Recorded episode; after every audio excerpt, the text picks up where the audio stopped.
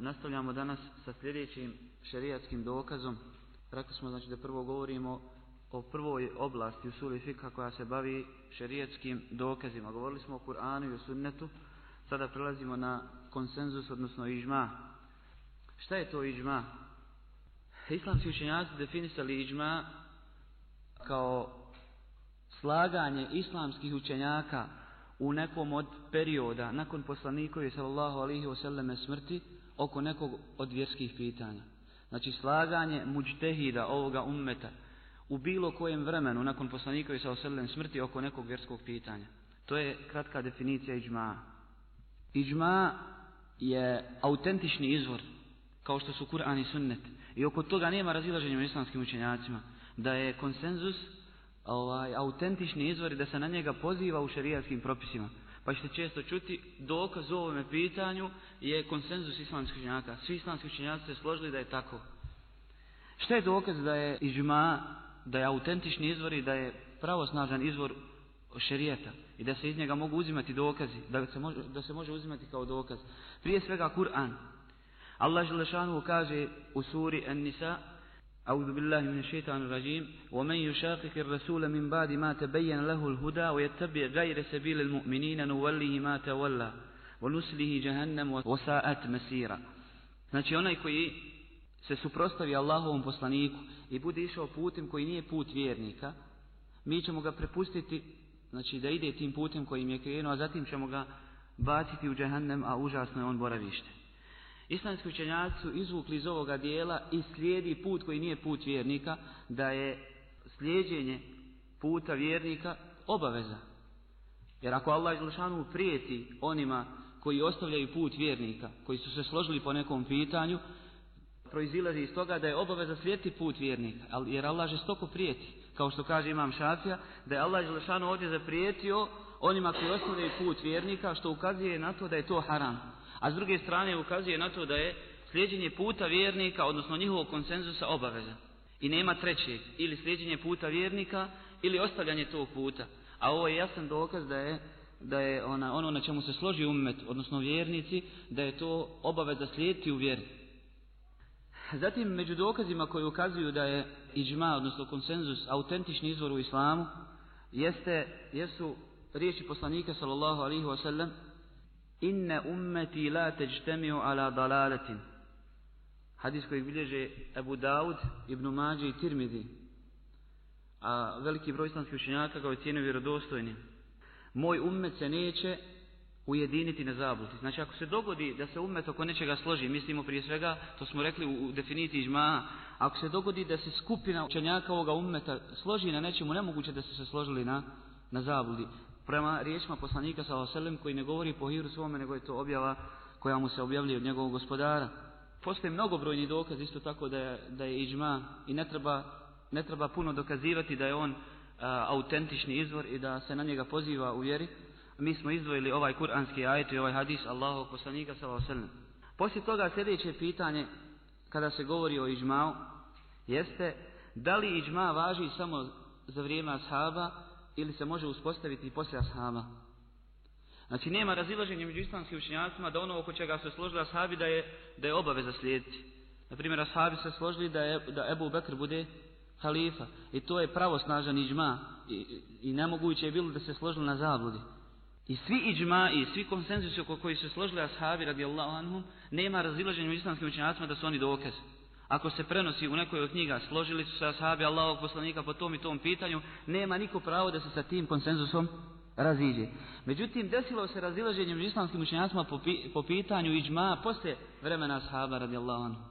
Tako da grupa islamskih učenjaka smatra da nema konsenzusa poslije, poslije ashaba. I kao dokaz uzimaju, kažu, nemoguće je, nakon što znači, se raširio islam na velike prostore, da se svi učenjaci sakupe i da donesu za jedan zajednički stav na jednom mjestu.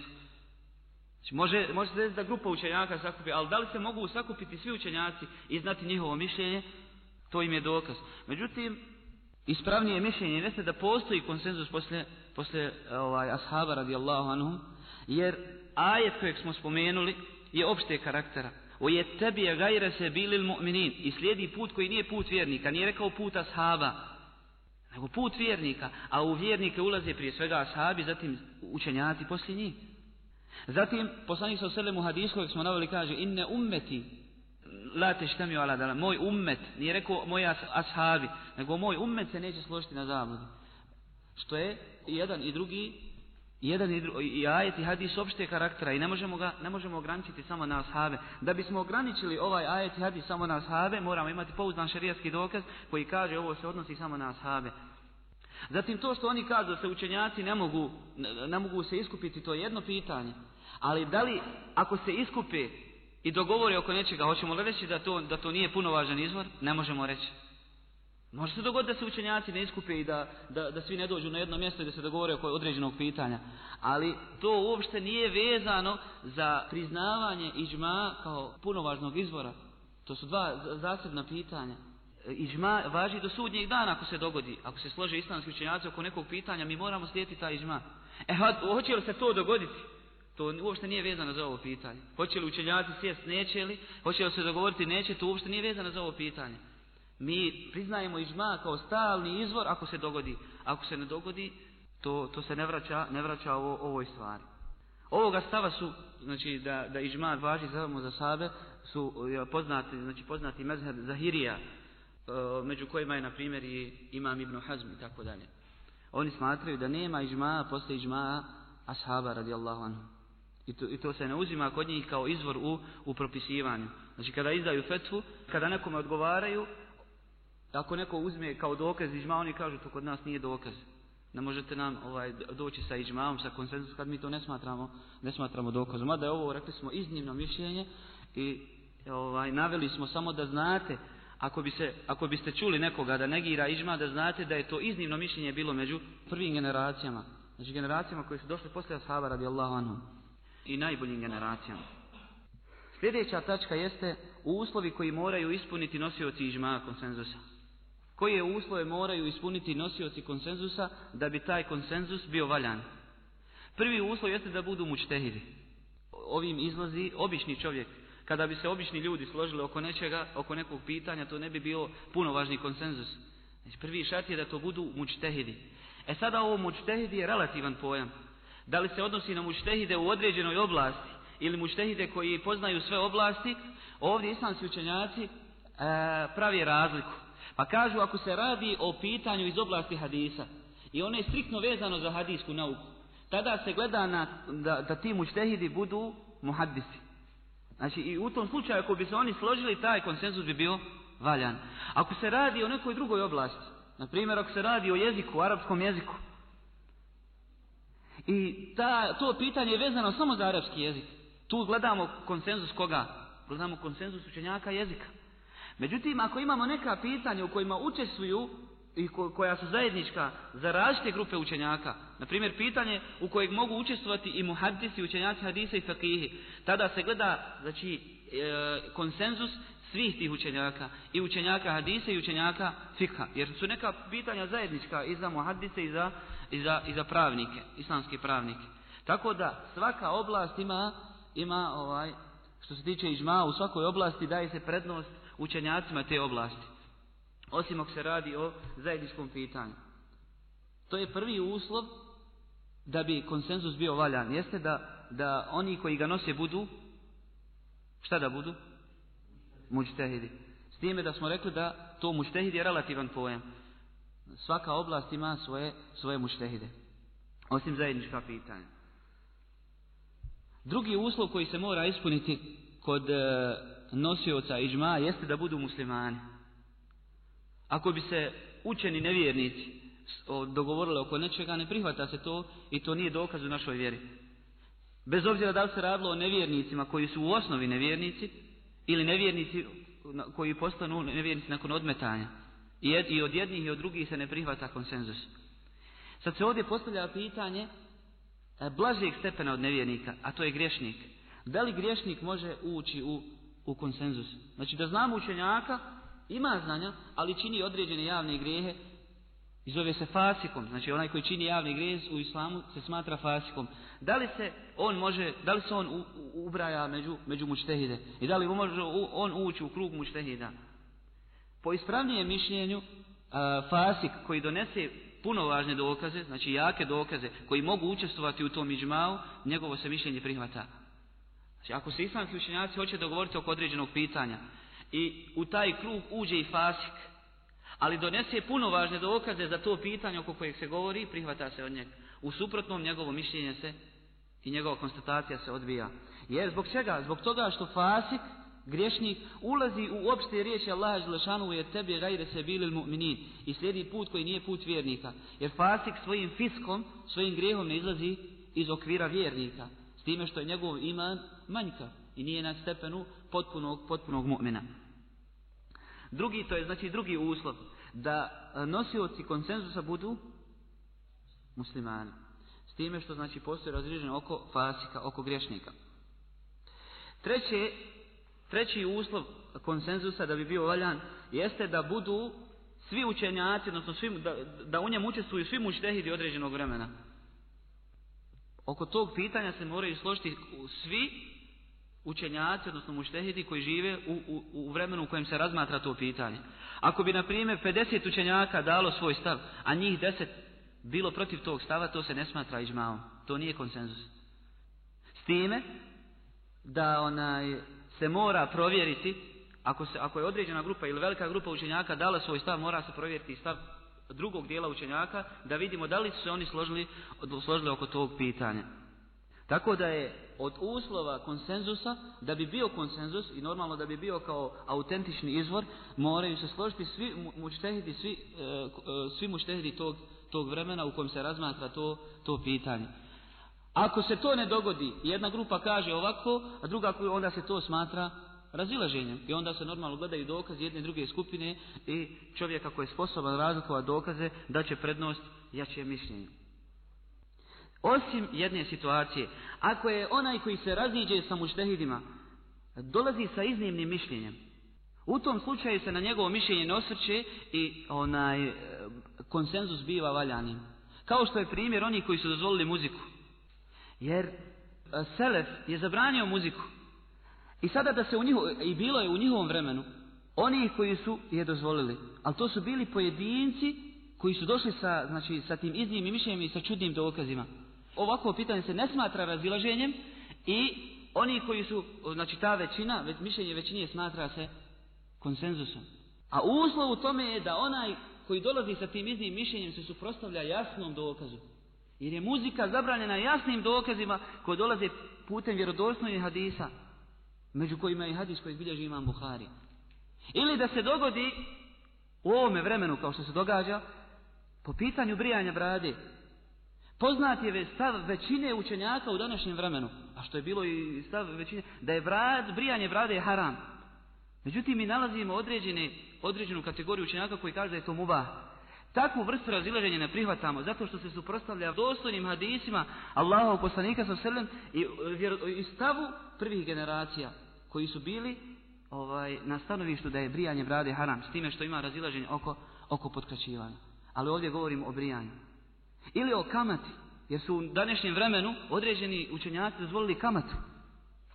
Neki malu količinu, neki su dozvolili kamatu vrijednost i tako dalje. Držeći se šad ili iznimnog mišljenja kada budemo govorili o kamati iz, iz ovaj, fikha, vidjet ćete da se drže za iznimno mišljenje koje je bilo među ashabima i tako dalje. takvi ljudi ne narušavaju ižma. Ako većina islamskih učenjaka u ovome vremenu smatra da je kamata zabranjena i oni koji dođe druga, druga grupa učenjaka ili jedan učenjak ili dvojica učenjaka i dozvole kamatu, mi to pitanje nećemo posmatrati kao pitanje u kojem se različi učenjaci, nego ćemo ga gledati kao ižma Zbog čega? Zbog toga što ovi koji nose, nose zabranu imaju jake dokaze oko koji nikakvi nisu znači dvosmisleni dokazi i oko njih nema nikakve sumnje. Tako kad kažemo da se slože svi muštehidi oko određenog pitanja, to znači da, da svi moraju imati jake dokaze ako ne bi bili, ako ne bi bili u okviru tog zajedničkog stava. Iznimno mišljenje, kad kažemo iznimno mišljenje, to je mišljenje koje se ne temelji na jakom dokazu, Jes, nije, prije njega nije, nije niko rekao taj, taj stav. Ili ako ga je rekao, to su bili pojedinci i u selef Koji su normalno činili štihad a Allah Želšanu neće njih pitati za taj njihov štihad ali će biti grešan onaj koji u tom stavu bude slijedio, jer, jer je to jasno suprostavljanje hadisima Allahog poslanika sallallahu A naveli smo ovdje neki primjere za ta iznimna, iznimna mišljenja. To je bio treći uslov koji se mora ispuniti kod učenjaka kod nosioca konsenzusa da bi on bio valjan, jeste da budu znači učenjaci u, da, da, da obuhvati sve učenjake, o svemu štehide u tom, u tom vremenu. I četvrti uslov jeste da budu živi. Da svi učenjaci koji donose taj konsenzus budu živi u tome vremenu. Da žive u tome vremenu. Ako je prije njih za samo, na primjer, 50 godina prije njih živio učenjak koji je suprotno smatrao tome oko čega su oni složili, ne uzima se obzir njegovo, njegovo mišljenje, nego ostaje konsenzus valjani. Samo je uslov da oni, da oni budu, svi oni koji donose konsenzus budu, budu živi i prisutni u tom, u tom vremenu. Sad se ovdje postavlja pitanje i za ovo se veže jedno pitanje, a to je da li je uslov da bi konsenzus bio valjan da prođe vrijeme da umru svi mučtehidi koji, koji su donijeli konsenzus. Znači, donijeli su konsenzus. I nakon toga, da li se uslovljava da oni umru kako bi njihov konsenzus bio valjan? Ima dio islamskih učenjaka koji smatra, kao što ima Mahmed, da ovaj uslov da bi konsenzus bio valjan jeste da umru oni koji su donijeli taj, taj ižma. Znači, nakon što oni umru i prođe njihovo vrijeme, njihov ižma biva valjanim. Što je znači slabije mišljenje i po ispravnijem mišljenju nije uslov da učenjaci muštehidi koji se složi u određenom vremenu po nekom pitanju da, da, da prođe njihovo vrijeme kako bi njihov iđma bio valjan, nego je ovaj ako se dogovori u bilo kojem periodu u kojem žive, da li to bio sat, da li bio dan ili mjesec, taj konsenzus biva valjanim. Jer ako bismo rekli da se uslovljava da oni umru onda znači, neće svi umrijeti u istom vremenu. Postoji mogućnost da dok umre zadnji od, od, od, nosioca konsenzusa da će se roditi neki novi mučtehid da će se razići sa njima. I u tom slučaju onda nikad ne bi imali, nikad ne bi imali konsenzus. Jer do izumiranja zadnjeg muštehida koji je učestvovao u konsenzusu, može, mogu se roditi mnogi drugi muštehidi koji kažu mi se ne slažemo sa ovim ižmaom. I onda nikad ne bi imali Nikad ne bi imali džma. Prema tome, kada se u određenom periodu dogodi konsenzus u, u, bilo kojem vremenu, da li to bilo danas ili sutra ili u bilo, bilo kojem vremenu, istog trenutka njihov džma, njihov konsenzus biva šerijatskim dokazom i zabranjeno je, zabranjeno je onima koji dođu poslije i se s tim konsenzusom. Jer je poslanik sam rekao da se ovaj umet neće, neće okupiti na zabludi. To su bila četiri uslova koja se moraju ispuniti kod nosioca ižma, još ćemo i jedan put ponoviti, da budu mučtehidi. Ajde da neko ponovi, da ne ponavljam ja. Dobro, ti si rekao da budu muštehidi da su muslimani. Ajde, svi jednog vremena, da svi žive u jednom vremenu, da budu živi. Znači, ako bi neko prije njih na 50 godina imao oprečan stav i oni se poslije toga slože oko tog pitanja, ne gleda se na njegovo razilaženje ovoga koji je umro. Znači, uvjet je da budu živi. To je, to je zadnji šart kojeg smo naveli. Poslije toga, šta je to oslonac iđma? Na što se oslanja iđma? Kada se donosi iđma, na što se oslanja? Šta se uzima kao njegov osnova? Ne, to ćemo sada govoriti. Nema razilaženja u islamskim učenjacima da, da onaj iđma se može donijeti na osnovu Kur'ana i sunneta. I da i nijedan iđma ne može biti bez šerijetskog dokaza. Prije svega Kur'ana i sunneta. Nijedan ižma kojeg su donijeli islamski učenjaci ne može biti bez bez šerijatskog dokaza. Složili se da je taj šerijatski dokaz Kur'an i sunnet. Znači ako se onaj ižma, odnosno konsenzus osloni na kuranski, na kuranski ili hadijski tekst, taj ižma biva valjani. Međutim, razišli su se oko oslanjanje, odnosno uzimanje analogije kao izvora, kao izvora Šta znači da uzme se analogija? Znači da se ne uzme direktno kuranski ili hadijski tekst, nego da se izvede iz kuranskog i hadijskog teksta određeni propis analogijom i da se na osnovu toga donese konsenzus. Kada budemo naveli primjere, bit će vam jasnije. Jače je mišljenje, ispravnije mišljenje da se iđma, odnosno konsenzus, može osloniti na analogiju i može, se, može uzeti analogiju kao izvor. A dokaz jeste iđma ashaba radijallahu anhum po pitanju Ebu Bekra. Jer nema jasnog teksta niti u Kur'anu niti u sunnetu koji kaže poslije mene će halifa biti Ebu Bekr. Odakle su ashabi radijallahu anhum izvukli da Ebu Bekr treba da bude, i to jedan od njih potvrdio i rekao, Allah te je odabrao da budeš naš vođa u namazu, još za života poslanika sa srljem, pa te mi odabiremo da budeš naš vođa u dunjalučkim stvarima. Učinio je analogiju, ovaj ashab je učinio, radijallahu anhu, učinio analogiju. Poredio je njegovo vojstvo u namazu sa vojstvom u dunjaluškim stvarima. I ashabi radi Allahu anhu su ovaj njegov su u njegovu analogiju uzeli kao dokaz da Ebu Bekr treba da bude, da bude halifa. Zatim drugi primjer. Primjer kazne za roba koji počini zinalog. Vi znate da se u Kur'anu govori za robinju koja učini zinalog da se kažnjava sa da se kažnjava sa 50 udaraca. Biće. Za roba se ništa ne spominje. Međutim, složili su se islamski učenjaci da se rob isto tako kažnjava. Kako? Analogijom. Kažu kako je god kažnjena robinja sa 50 udaraca, tako se isto i rob kažnjava sa 50 udaraca. Vidimo da su ovdje ustavni stručnjaci analogiju uzeli kao izvor čega? Ižma. I složili se oko toga da se, da se rob kažnjava sa 50 udaraca. To će kad budemo govorili o analogiji kao posebnom izvoru. Vidjet ćemo šta se pod analogijom podrazumijeva u, u suli Analogija je poređenje, ovako šturo prevedeno.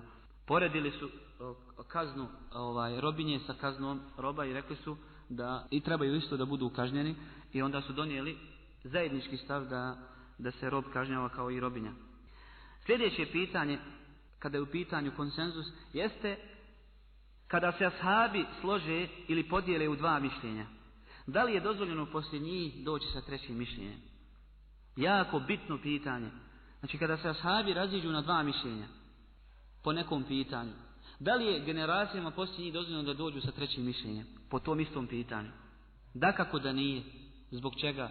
Zbog toga što bi u tom slučaju osudili ashave radijallahu anhum da su bili na, na Jer znači i jedno i drugo mišljenje je pogrešno. Po, onaj koji bi došao sa trećim mišljenjem i jedno i drugo bi mišljenje osudio kao pogrešnim. I prema tome taj, cijeli taj period bi bio bez nosioca istine. I mi nakon, nakon 20 stoljeća ili nakon 10 stoljeća ovaj, donosimo dolazimo sa trećim mišljenjem i mi smo nosioci istine, a za svo to vrijeme umet je bio bez, bez nosioca istine. Na isto ovo pitanje se veže kada se ashabi radi Allahom raziđu oko tumačenja ajeta. I jedna grupa ashaba smatra da ajet znači ovo, a druga grupa ashaba smatra da da li je dozvoljeno doći sa trećim tumačenjem ajeta? Isto tako nije dozvoljeno. Pogotovo ako se kaže, ako neko od učenjaka kaže ashabi radijallahu anhum su se podijelili u ovoj meseli po pitanju tumačenja određenog ajeta na dva mišljenja i nema, nema trećeg mišljenja. U tom slučaju ako bi neko došao sa trećim mišljenjem, a ovdje ne samo da se dolazi sa trećim mišljenjem u ovome vremenu, nego se potpuno odbacuje, znači danas ljude koji potpuno odbacuju ono od, tumačenja ashaba. I kažu mi trebamo Kur'anu pristupiti sa jednog modernog aspekta. Nemojte samo šta je rekao Ibn Abba, šta je rekao Abdullah ibn Mesud. Mi trebamo sad ponovo tumačiti Kur'an. Jer kaže, Kur'an moramo uskladiti današnjim tokovima. Što je sigurno pogrešno. Kad islam kršćanstvo nije da se dođe sa trećim mišljenjem, a kako onda sa onima koji odbacuju potpuno ta mišljenja i dolaze sa svojim mišljenjem kao pukom, pukom istinom.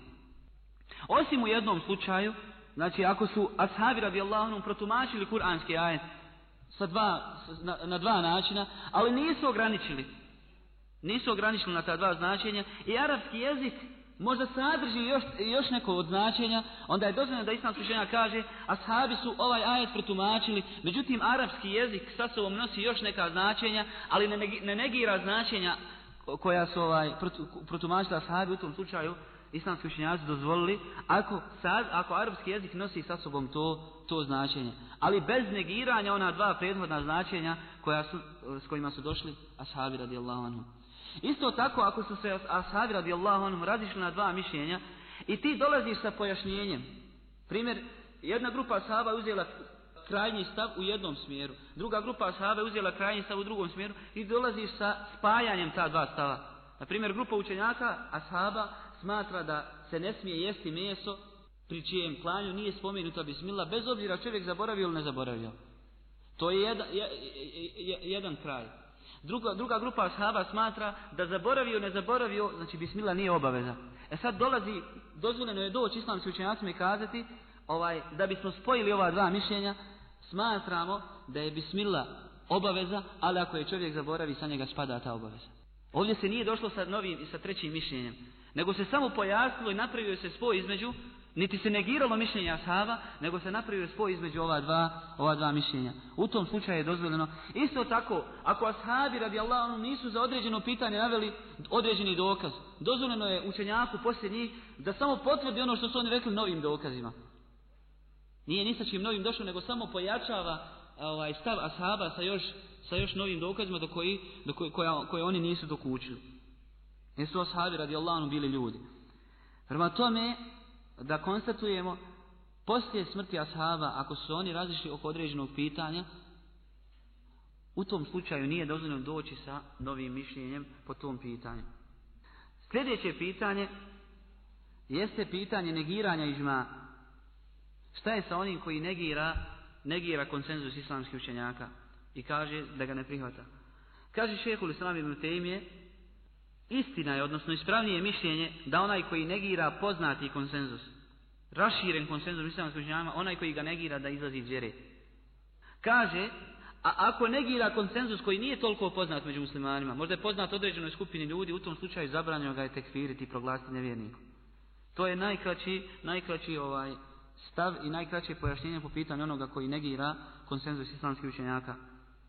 Zatim, zadnja stvar po pitanju konsenzusa jeste, jesu vrste iđma, vrste konsenzusa. Islamski učenjaci su podijelili iđma sa više aspekata. Mi ćemo govoriti o dva aspekta. Prvi aspekt jeste podjela iđma, gledajući na sam ižma i osvrćujući se na sam taj konsenzus. Pa kažu da se ižma kao takav dijeli u dvije, dvije vrste sa ovog aspekta su podijelili iđma, odnosno konsenzus u dvije vrste. To je ovaj jasni konsenzus ili izjavljeni ili izrečeni konsenzus. To je konsenzus u kome su islamski učenjaci javno rekli da se slažu sa određenim stavom. Pa su svi izašli i rekli ovo je zabranjeno, odnosno ovo je dozvoljeno. To se zove izrečeni ili izjavljeni konsenzus. A druga vrsta konsenzusa sa ovog aspekta jeste prešučeni konsenzus da se raširi određeno mišljenje u određenom vremenu i određena grupa učenjaka ne dadne svoj, svoj stav po tom pitanju, prešuti. Da li se taj konsenzus smatra dokazom? Znamo da je 50 učenjaka ili određena grupa učenjaka dala svoj stav. Međutim, 10 učenjaka nismo čuli šta su rekli. Šute. Nisu dali svoj stav. U tom slučaju, ako se zna, postoje jasne indicije da se oni slažu sa ovim mišljenjem, takav, konsenzus se uzima kao, kao jak i pouzdan dokaz. Međutim, ako postoje indicije i jasni pokazatelji da se oni ne slažu s tim mišljenjem, onda to nije konsenzus, nego se to smatra razilaženjem islamskim učenjacima. Imate dosta primjera kada u, u, u fikskim pitanjima kaže u ovome, u ovom pitanju je dokaz prešutni konsenzus. Kaže, a, ta dvojica shaba su to uradili a niko ih nije ukorio što je dokaz da se svi ashabi složili oko toga. Kao što je primjer jučer u spomenutog pitanja, ovaj, kad smo govorili o iznimnom kirajetu, da su Abdullah ibn, uh, Ubej ibn Kabi, Abdullah ibn Mesud pročitali onaj kuranski ajet tri uzastopna dana.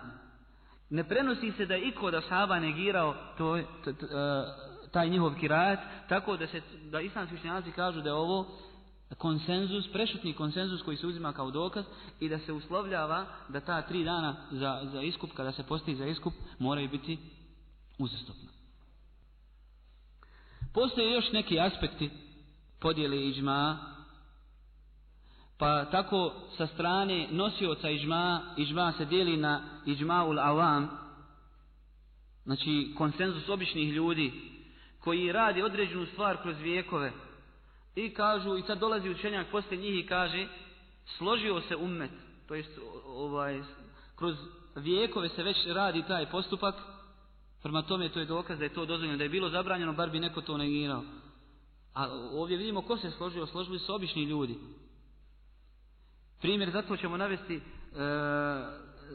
za pitanje prodaje nečistog džubreta jedan od dokaza kojeg učenjaci hanefijskog meza uzimaju kao dok, e, kojeg uzimaju kao za dozvolu prodavanja i kupovanja nečistog džubreta, na primjer od džubre psa ili svinje ili domaćeg magarca, da bi se pognojilo zemljište, jer oko čistog džubreta nema razilaženja. Znači složili su se da je dozvoljeno prodavati čisto džubre, ali postoji oko nečistog džubreta. I kao dokaz uzimaju iđmaul alam, Kažu da su, da su, da su ljudi kroz vijekove radili to i činili to, prema tome, a niko ih nije upozorio na to, to je dokaz da je, da je to dozvoljeno. Druga vrsta jeste ižma'u el hasa, to su znači konsenzus posebnih, a to, to, su oni o kojima cijelo vrijeme govorimo konsenzus islamskih učenjaka, muštehida. Ova prva vrsta konsenzusa se ne uzima kao dokaz. Jer oko ižma'u sukuti, oko prešutnog konsenzusa postoji razilaženje, da li je dokaz ili nije dokaz, jer radi se o prešućivanju dijela islamske uleme, a samo da kažemo da je konsenzus običnih ljudi ili masa dokaz u vjeri. S time bismo završili današnje predavanje što se tiče konsenzusa. Nastavit ćemo inša Allah sutra sa analogijom, odnosno poređenjem, kao šerijatskim dokazom. Zatim ćemo govoriti o nekim izvorima oko kojih se islamski učenjaci razišli. Poslije toga ćemo govoriti o okorištavanju ili na koji način shvatamo Kur'an i sunnet i tekstove koji dolaze e, u Kur'anu i sunnetu i na kraju ćemo govoriti o, rekli smo, o uslovima mučtehida i o slijepom slijeđenju. Nakulu kauli hada wa li Rekao je da Allah tražim oprost za vas i za sebe, a tražite vi. Sad ako ima nekih pitanja vezani za sam konsenzus, šta, kako?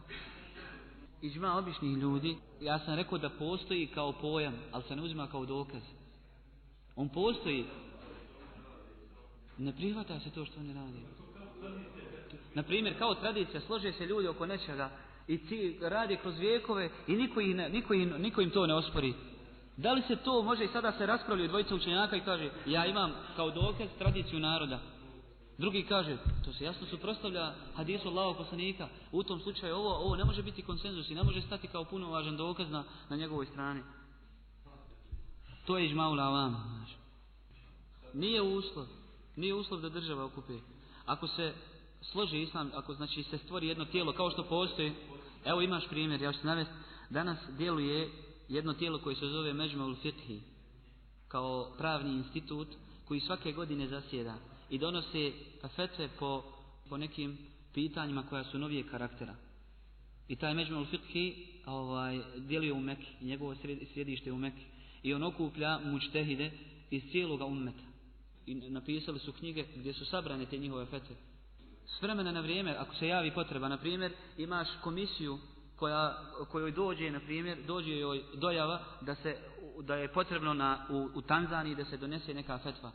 Da je potrebno u, u, u Europi da, da muslimani Europe, ne znam, pate od jednog pitanja i muči ih jedno pitanje, potrebno je da se sazove i onda samo pošalju poruke da dođu u muštehidi i onda se raspravlja o tom pitanju.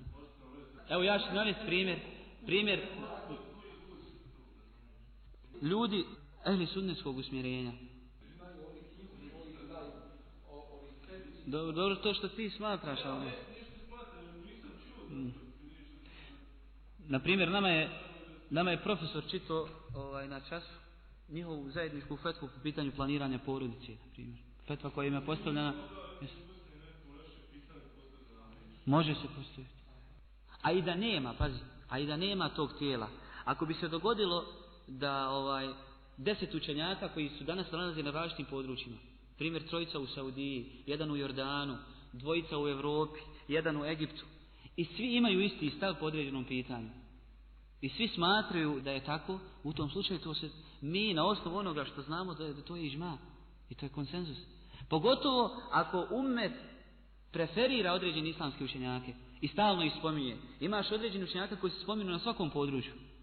I u arapskom svijetu, i, i u, među muslimanima Afrike, i među muslimanima Europe. E, ako se dogodi da onaj čujemo od svih njih, od svih tih poznatih učenjaka, da su dali svoj jedan stav prema određenom pitanju, prema tome to smatra i na primjer, desi se, raspravlja se da li je muslimanki dozvoljeno da skine hijab ako joj ne daju da, ne znam, uđe u školu. I sada e, dolazi ovaj, e, e, ovaj egipatski Ali Tantavi, nije Ali Tantavi, nije Ali Tantavi, o drugi Tantavi, kako se zove? Ovaj sadašnji, drugi Hosein Tantavi. Izdo je, Tantavi je, izdo je fetvu da se muslimanka u Francuskoj mora pokoravati onaj nosiocima vlasti tamo i da, da mora skinuti maram. I onda je žestoko reagovanje bilo od, od e, ministra za prosvjetu Saudijske Arabije, od uh, Abdul od Turkija, gdje je on njega napao i gdje, mu je, gdje, gdje, nije dozvolio nikako da... I ako bi sada, znači, e, poznati učenjaci ili sudnjata donijeli svoj stav po pitanju da ženi nije dozvoljeno, znači to postaje ižmavom. I u obzir se ne uzima mišljenje ovoga ovaj, Tantavija, jer se nedavno dogodilo da je on na Ezher doveo, to sam čitao informaciju u štemu, doveo je židove na Ezher i dozvolio im da obave molitvu u Mešidu. I svi profesori, ne gledajući na njihove manjkavosti, su se pobunili protiv toga i napravili su štrajk na, na samom Ezheru.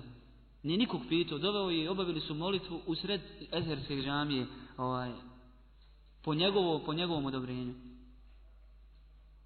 Hoćemo tako njegovo mišljenje smatrati razvijenim? Ako to, su jasna pitanja. Ali pazi, imaš, ja ti govorim kad se radi o konsenzusu, imaš sam međmol Fikhi, sam međmol Fikhi, neće se oko svih pitanja složiti. Imaju pitanja oko koje će se oni složiti, ali imaju pitanja oko kojih će se razići.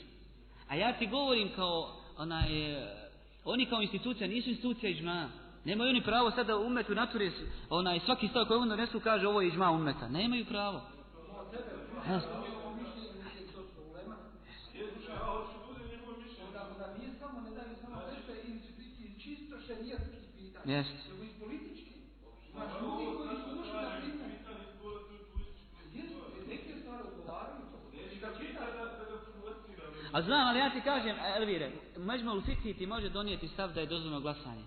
Ali taj međlu fikhi ne, sadrži sve islamske učenjake. Može se pojaviti druga grupa učenjaka koja to zabranjuje. Prema tome samo pitanje izbora nije mesele muđma aliha.